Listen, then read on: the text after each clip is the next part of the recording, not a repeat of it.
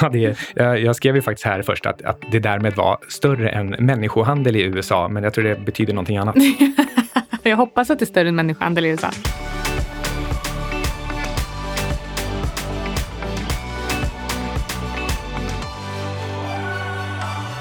Du lyssnar på Insiders med Syding och Svan. Lyssnar vi på insiders? Ja, men jag är ju knappast en outsider när jag har jobbat 15 år på Europas bästa hedgefond. Så du bara bestämde dig för att byta namn på, på podden? Bara Känner, sådär? känner du dig som en outsider? Ett par månader till kanske. Ja, Okej, vi är fortfarande outsiders. Och eh, med oss har vi Alexander Marton som som vanligt räddar skinnet på oss när, eh, när ljudet inte är så bra. Temat idag är människa mot maskin, så eh, det kanske blir lite maskinljud. Vi ska prata om varför det här är intressant, Och när det är intressant. vad man kan göra med infon som vanlig investerare Och eh, gå in lite på hur bra eller dåliga algos är. och vad den här påstådda algodominansen leder till. Om det finns någon risk med det kanske. Ja, är det bra eller dåligt för världen? Och eh, vad vi tror om framtidens förvaltningstid. Är det passiv eller aktiv eller är det någon typ av mix? Och frågan är om Anna är en algo. Det är jag. Svar ja. Men eh, innan vi drar igång så vill vi tacka vår eh, nya partner Lendify. Och Lendify har ju vi använt i eh, några år faktiskt. Det är ingen, eh, ingen hemlighet att eh, vi har snackat om dem innan. Men hur länge har vi haft Lendify? Jag tror att jag började använda dem i våren 2017. Och eh, jag hade redan använt dem i alla fall ett halvår när du började. Precis, och eh, jag använder ju ett autoinvestkonto. Dels för att jag inte vill plocka ut eh, lån själv. Och för, för det här är mycket, mycket smidigare tycker jag i alla fall.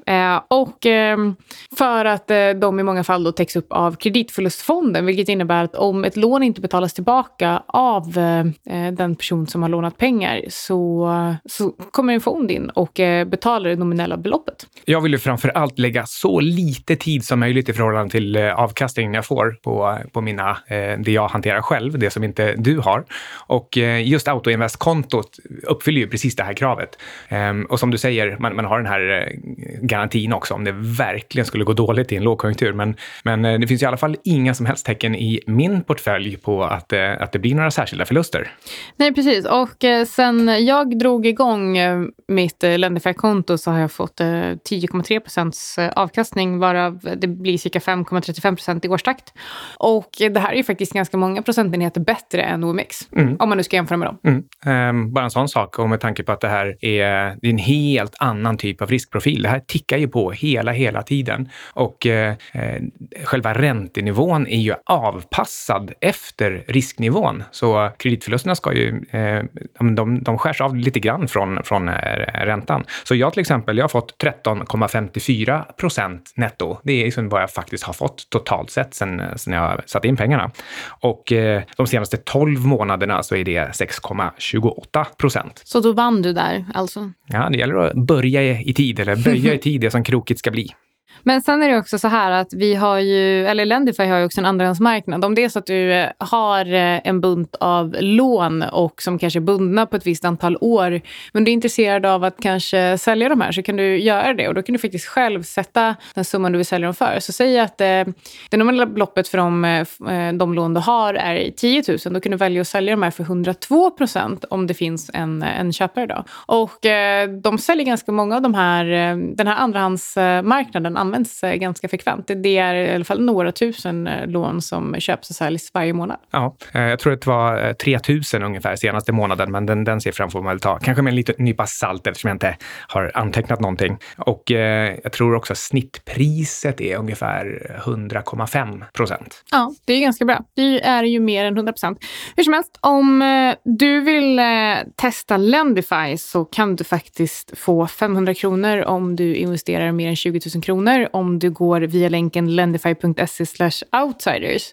Så då får vi 500 spänn var. Eh, och eh, det är ganska tacksamt med, eh, ja hur mycket blir det? Ja, det är en 2,5 procents avkastning extra första året ovanpå de då cirka 5, 6, 7 procenten som, som gäller. Det är typ motsatsen mot en fondavgift. Ja. Så kika in då i alla fall på lendify.se outsiders och vi skickar med en länk i, i Insider som kommer ut på söndag. Så tack Lendify! Tack Lendify! Nu ska vi till människor som har fått nog. Det handlar egentligen inte om att de har fått nog av Algos, men här i helgen så kan jag bara inte undvika att notera att eh, kaoset i Hongkong har nått nya nivåer. Det är snarast undantagstillstånd och man har till exempel förbjudit att bära mask. Har man mask på sig kan man bli liksom, tacklad och nedtagen av polisen direkt. På tal om nya nivåer så har ju lyxkonsumtionen sjunkit till nya låga nivåer. Det är lite svårt att gå i lyxbutiker i centrala Hongkong nu när det är miljoner människor som demonstrerar och det skjuts med skarpa skott på demonstranter och kastas tårgas hela tiden. Så eh, lyxprodukterna är ner 51 procent i volym year over year i eh, just i augusti. Och totalt på retail-sidan så är det faktiskt minus 23 procent. Så att den som funderar på att eh, kanske åka till Hongkong på semester kanske bör tänka en extra gång. En eh, sak till som händer där, det är att eh, 10 procent av bankomaterna har slagits sönder och om jag förstår det rätt så är ytterligare ytterligare 5 procent är tomma på pengar. Det, det, liksom- det är väl kanske inte någon riktig bankrun ännu, men det är svårt att komma åt och fylla på sedlar. Och det kan ju leda till en run på de andra bankomaterna.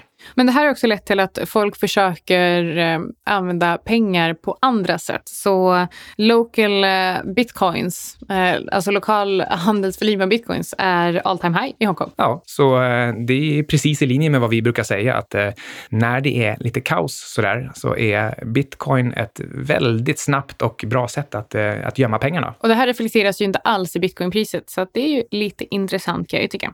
Men vad händer med guldpriset på den fronten då? Det vet jag inte eftersom, eh, alltså dels så har vi en, ett eh, internationellt satt guldpris, men jag kan tänka mig att lokalt så, så sker en del affärer i fysiskt guld, att man faktiskt kan få rätt bra betalt. Låter spännande. Och vi ska kika in på Algos och eh, prata om maskiner mot människor. Men innan vi gör det så vill vi säga hej till Atlant Fonder. Hej Nikos! På Atlant Fonder så handlar ni väldigt mycket med derivat. Hur kommer det sig att ni använder det så mycket i er förvaltning? Vi älskar optioner och anser att det är ett alldeles för outnyttjat verktyg av förvaltare i Sverige. Det är en fantastisk exponentiell uppsida om man har rätt, men kostar extremt lite de gånger man har fel. Varför är det så få förvaltare som använder sig av optioner? Jag tror det hela grundar sig i okunskap och rädsla för det okända. Derivatoptioner är något som man automatiskt förknippar med en högre risk. Men beroende på hur de används så är det ofta tvärtom. Köper man en option har man ju fått en automatisk stopploss. Många investerare säger att de inte förstår det här med teta, gamma, delta, alla greker. Man förstår inte varför optionen kostar vad den kostar och då är det enklare att låta bli att handla instrumentet. För mig är det lite som att strunta i att köpa en hemförsäkring för att man säger att man inte förstår hur If kom fram till att 99 kronor i månaden är rätt pris. När huset brinner var det lite strunt samma om den kostade 50, 99 eller 200 kronor. Slutligen, har du någon optionstrade som du skulle rekommendera idag? Jag tänkte ut två enkla trades man kan fundera på inför avslutningen av 2019. Den ena gäller ett bredare aktieindex och den andra är baserad på guldpriset som jag förstått att många av era lyssnare är intresserade av. Båda tradesen är av karaktären behålla exponeringen på uppsidan men ta ner risken på nedsidan. Eh, båda de här är väl ingen direkt rekommendation utan mer konkreta exempel för att belysa hur man kan använda sig av optioner. Okej, okay, vi eh, börjar med eh, aktieindextraden. OMX är ju upp dryga 14 procent i år efter utdelningar. Här skulle man kunna fundera på att hedga sin exponering med en December 1570 put. Den kostar ungefär 34 kronor idag vilket motsvarar en kostnad av 2 procent av ens aktieportfölj.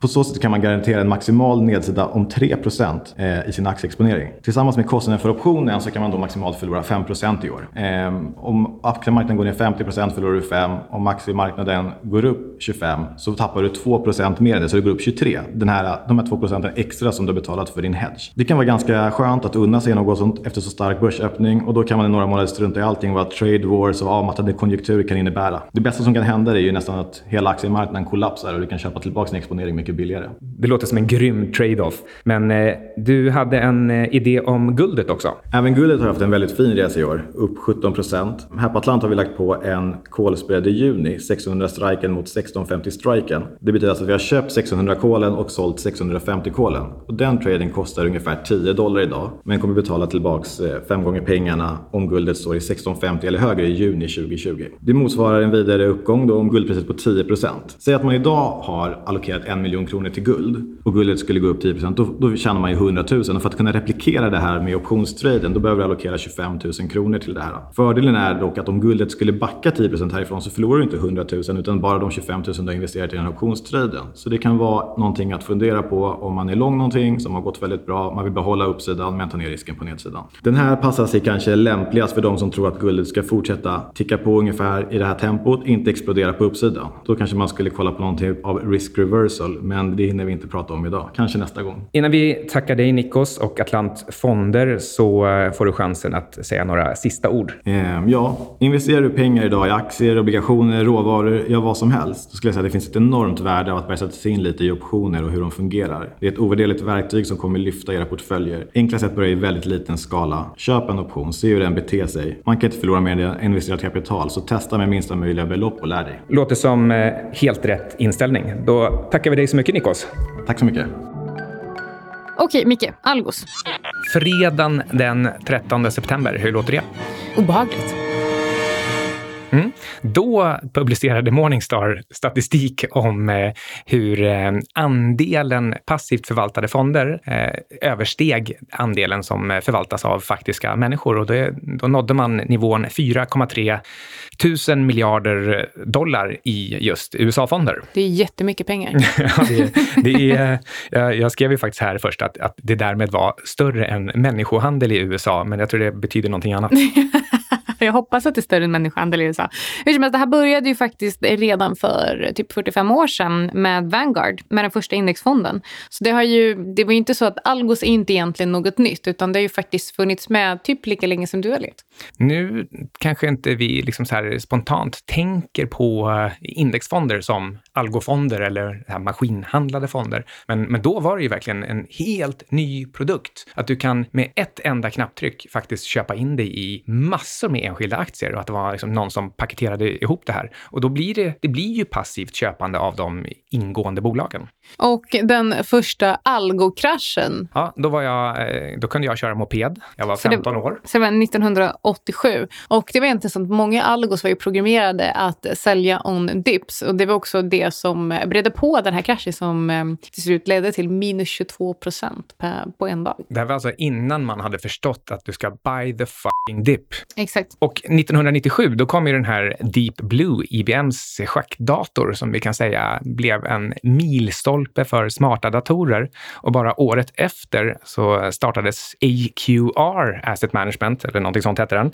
Och eh, det var den första så kallade faktorfonden och de använde data mining och eh, den, den nya datorkraften kan vi säga för att hitta mönster i data. Alltså egentligen så då började det från en hypotes, en fundamental analyshypotes. Kan det vara så att eh, små bolag kanske går bättre än stora bolag? Eller kan det vara så att högutdelande bolag, hurra alla utdelningsinvesterare, det här har gällt ända sedan 1998, så eh, kanske de går bättre än andra bolag. Och så, så började man, eh, utifrån de här hypoteserna så eh, bearbetade man stora mängder data, i alla fall för att vara på den tiden. Och sen, sen hittade man mönster och AQR gick väldigt bra ett tag. Och 2017, bara 20 år efter Deep Blue, så kom ju Google med AlphaZero. Och eh, Ehm, det gjorde en hel del, för då lärde man egentligen eh, den här datorn schackregler och så tog det fyra timmar för, den här, för AlphaZero att, eh, att egentligen eh, utmästra alla. Det, det som är riktigt fascinerande här, det är att man till och med man vände på den här grejen med från mänsklig hypotes om, om fundamenta till att ja, men, använda data för att få, få fram eh, automatiska regler, så lät man Alfa själv lista ut hur eh, schackreglerna överhuvudtaget ser ut. Så den, den bara tittade på massa, massa schackpartier, eh, noterade vilka drag man faktiskt får göra. Sen utifrån det hittade på hur man gör det här på bästa möjliga sätt. Och sen efter fyra timmar från att man tryckte on så lyckades den slå den absolut bästa specialiserade schackdatorn som hade fått alla historiens bästa regler inmatade i sig från början. Behöver vi vara rädda för datorerna? Alltså det, det, här kommer hända på område efter område och det är ju bra på ett sätt. Vi kommer behöva jobba mindre. Alltså vi, vi behövs inte inte. Och samtidigt så kommer det kunna skapas så oerhört mycket mer och misstag, alltså de alla enkla misstag kommer ju kunna undvikas. Det är ju jättebra. Men om man ska prata volymer istället, hur mycket det egentligen är som handlas med algo så uppskattar Deutsche att eh, det är bara 10% av all aktieterminshandel som är av människor. Och resterande, alltså 90% idag, handlas av algos. Det här låter ju precis som människokroppen själv, där vi är 10% människa och resten bakterier. Ja. ja, det gör det. Ja, men, men eh, ett annat mått är att eh, Russell 3000, som brukar kunna anses vara ett mått på den totala mängden aktier, alltså totalt market cap i USA, det är 31 000 miljarder dollar, alltså 31 trillion. Där är 35 procent passiva, alltså indexfonder, ETFer, eh, olika typer av liksom, momentum och algofonder. Och 24 procent eh, hedgefonder och allemansfonder, då, eller? Ja, och eh, de där 24 procenten, det, alltså det känns ju och ändå som att oavsett hur de eh, definierar sig så är det inte så himla mycket diskretionärt i dem heller. Nej, precis.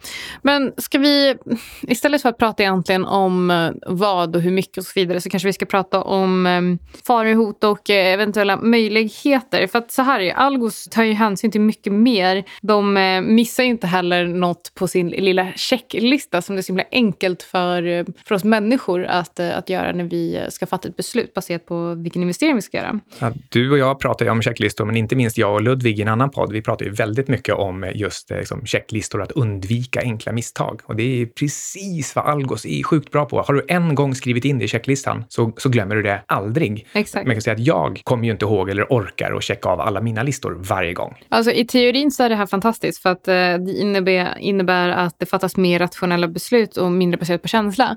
Men, ehm, men är det verkligen bra? Alltså, i, i, teorin då så borde det här leda till att marknaden blir extremt effektiv. Det här har vi varit inne och pratat om tidigare. Mm, men jag tror, eh, här ska man eh, ta ett blad ur Soros bok och han pratar om reflexivitet. Han har skrivit det här, The Alchemist eller eh, Marknadens alkemi eller någonting sånt där. Och, eh, och där pratar han om att eh, marknadens spelregler ändras hela tiden. Den är reflexiv. En sak som händer i en period, den påverkar hur, eh, hur de inblandade sen fattar beslut i nästa period. Och har du algos som, som löper helt fria, då har de liksom ingen förankring till den faktiska verkligheten. Alltså för, för verkligheten, den riktiga verkligheten, den är vad betyder det i slutändan för en mänsklig slutkonsument som ska ha någon typ av värde i slutändan. Och då kan det här leda till till exempel flash crashes, både uppåt och neråt. För om det inte finns någon riktig, något riktigt ankare, då kan det röra sig väldigt snabbt, väldigt långt. Precis. Och eh, när hände det här senast? Ja, alltså det, dels så, det var ju bara några dagar sedan som det var en, eh, en eh, snabb eh, flash crash på 5 eller 10 procent. Men, det, men jag kommer inte ihåg vilken marknad det var i, men, men det här sker faktiskt nästan dagligdags i i alla fall något eller några instrument. Ja, för några veckor sedan eller några månader sedan som det var någon typ av flash crash i bitcoin. Kommer du ihåg när jag skickade en print på dig på bitcoinpriset som stod på 27 dollar då? Ja, just det. Den, den var speciell. Synd att jag inte köpte massor. Men um, vad, vad, tycker du då? För jag står ju någonstans i mitten. Jag tycker ju att eh, det finns eh, mycket användningsområden för algos och eh, machine learning. Och det är framförallt, jag gillar ju den här, jag gillar ju liksom typ semisystematiska strategier där vi egentligen får signaler baserade på ett regelverk. Men där jag själv fattar beslutet huruvida jag ska göra affären eller inte. Och det är någonting som, eh, som jag och mina partners jobbar en hel del med också. Jag är verkligen på din sida där. Jag tycker att man alltid ska kombinera någon typ av teknisk analys med fundamental analys. Och det innebär ju då egentligen samma sak som att du kan gärna ha en, eh, en algo i grunden som ser till att du inte missar någonting. Alltså en automatiserad checklista. Men sen behöver det sitta en människa och välja vilket av algons beslut som är bäst ändå, som tar hänsyn till den där lilla sista känslan och kunskapen om hur världen faktiskt fungerar. Precis, för att eh, skillnaden på till exempel schack och eh, den finansiella marknaden är att anledningen till att en dator så snabbt kunde bli mycket, mycket bättre än människor på schack är för att spelreglerna för schack förändras inte, men spelreglerna för marknaden förändras hela tiden, varje dag.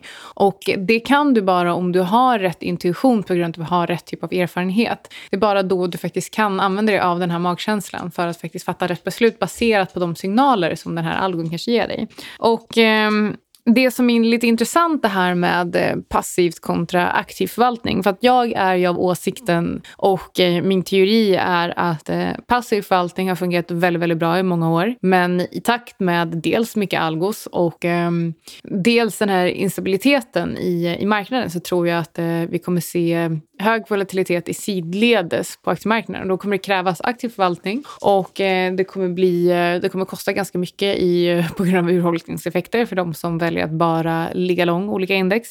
Eh, och eh, en annan, del, en annan sak som är ganska intressant när det kommer till passiv kontra aktiv är att man idag börjar leta efter mer, mer andra tillgångsslag. Och eh, då är ju råvaror en av våra stora favoriter, men det här är ju faktiskt det tillgångsslag som kräver aktiv förvaltning. Men visst går det att programmera egentligen, för, och det har ju med contango-effekter att göra, men det måste ju gå att programmera en algo som kan gå kort eller lång baserat på de här contango-effekterna. Absolut, alltså precis de reglerna som du hade tänkt handla diskretionärt efter i råvaror, de går förstås att, att koda in också och man kan liksom säga att eh, så här ser regeln ut för att undvika att luras av driften i pris över tid till exempel.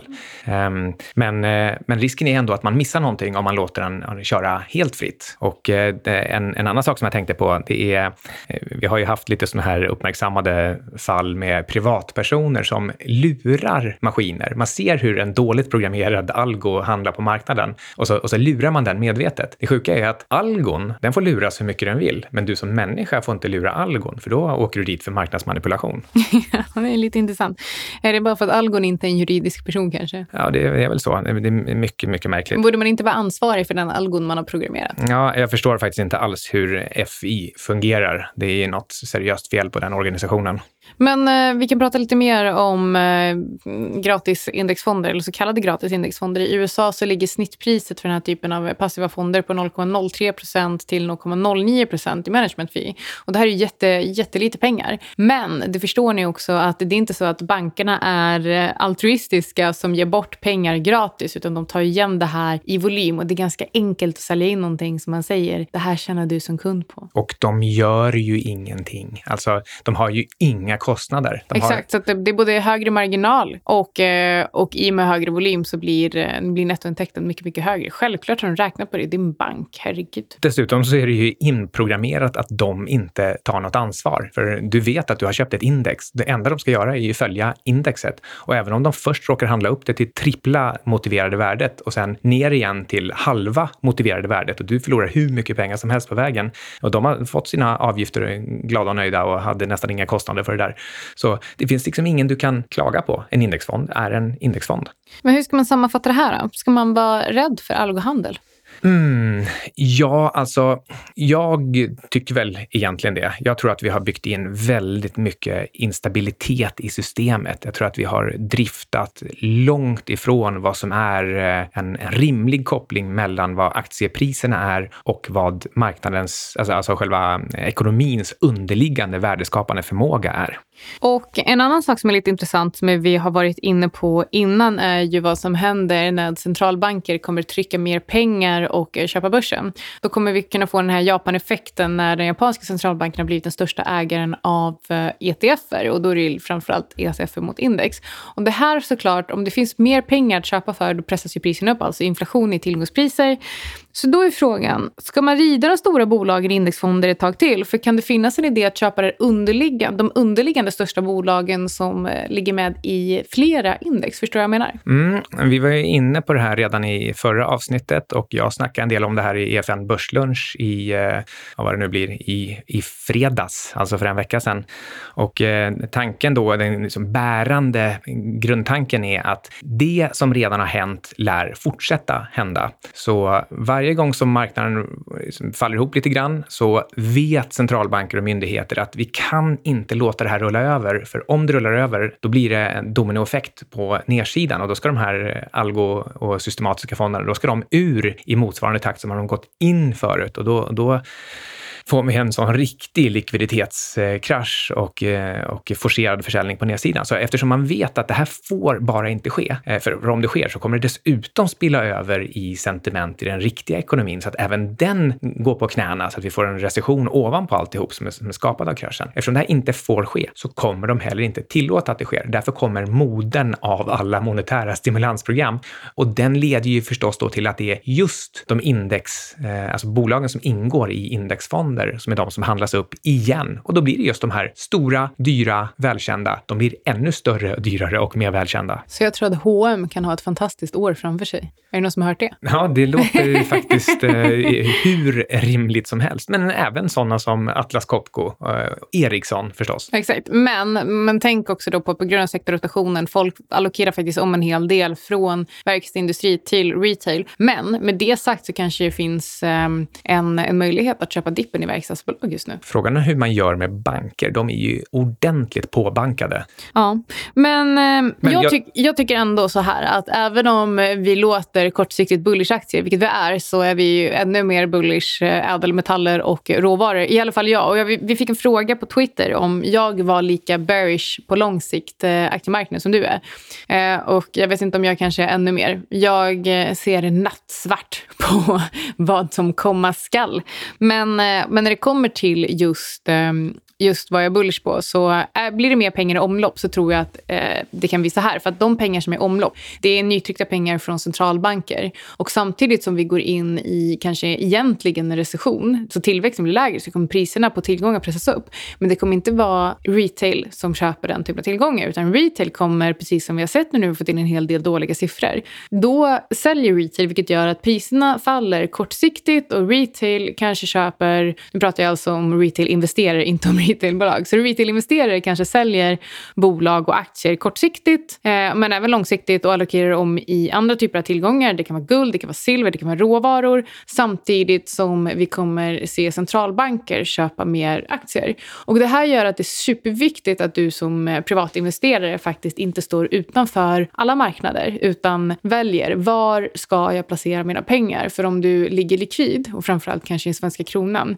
då kommer du verkligen hamna utanför vad jag tror kommer vara en episk kortsiktig eh, uppgång de kommande 12 månaderna. Jag tror att vi, eh, Eh, hur mycket jag än pratar om att eh, vi kommer få se mer av samma ett tag, så inte så långt efter att vi har gjort det, då kommer vi få se helt uncharted territory, alltså någonting som vi inte överhuvudtaget hinner följa med i. Dels på grund av Algos, dels på grund av att ingen nu levande investerare är, är van vid vad som kommer. Alltså det kan vara inflation, det kan vara en eh, fiat reset. Det kan vara så att vi får en riktigt seriös recession, globalt synkroniserad recession efter att vi nu i tio år har synkroniserat, eh, använt alla möjliga typer av stimulansprogram för att, för att hålla både ekonomin och aktiemarknaden under vingarna. Så, så när de här sakerna ska resetas och det faktiska värdet kommer spela någon roll, ja, då kommer vi få se svängningar som, som kanske bäst kan jämföras med hur det såg ut ett tag i, i Tyskland under eh, Weimarrepubliken. Eh, då, då menar inte jag specifikt hyperinflationen, utan jag menar de här tvära kasten mellan till vilket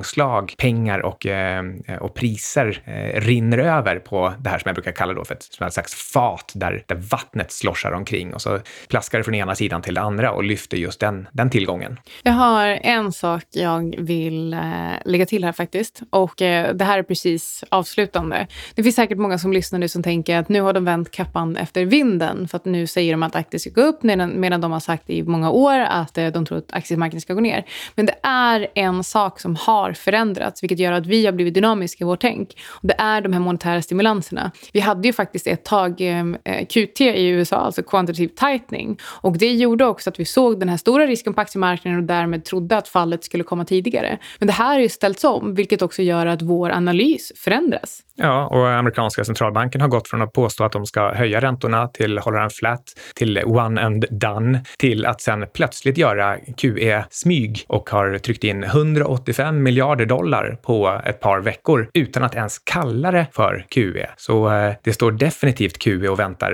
runt hörnet. Så med det sagt, det handlar inte om att vi har ändrat oss för att vi tyckte att vi hade fel under en lång period, utan det handlar om att eh, spelreglerna på marknaden har förändrats och eh, då måste vi göra det också också. Men med det sagt så, som jag har varit inne på innan, min allokering förändras inte för att jag fortfarande är precis lika bullish råvaror och framförallt ädelmetaller som jag varit innan. Men nu är jag inte lika stressad över den 40-procentiga allokeringen jag har mot eh, S&P. Ja, och jag, jag trodde väl kanske lite för mycket på Powell där ett tag. Att bara för att han är miljardär så visar det sig att han inte alls behöver vara en outsider, utan han är i högsta grad en, eh, en rikemansklubb eh, insider tillsammans med politikerna. Och eh, det är han som vänder kappan efter vinden och då följer vi med.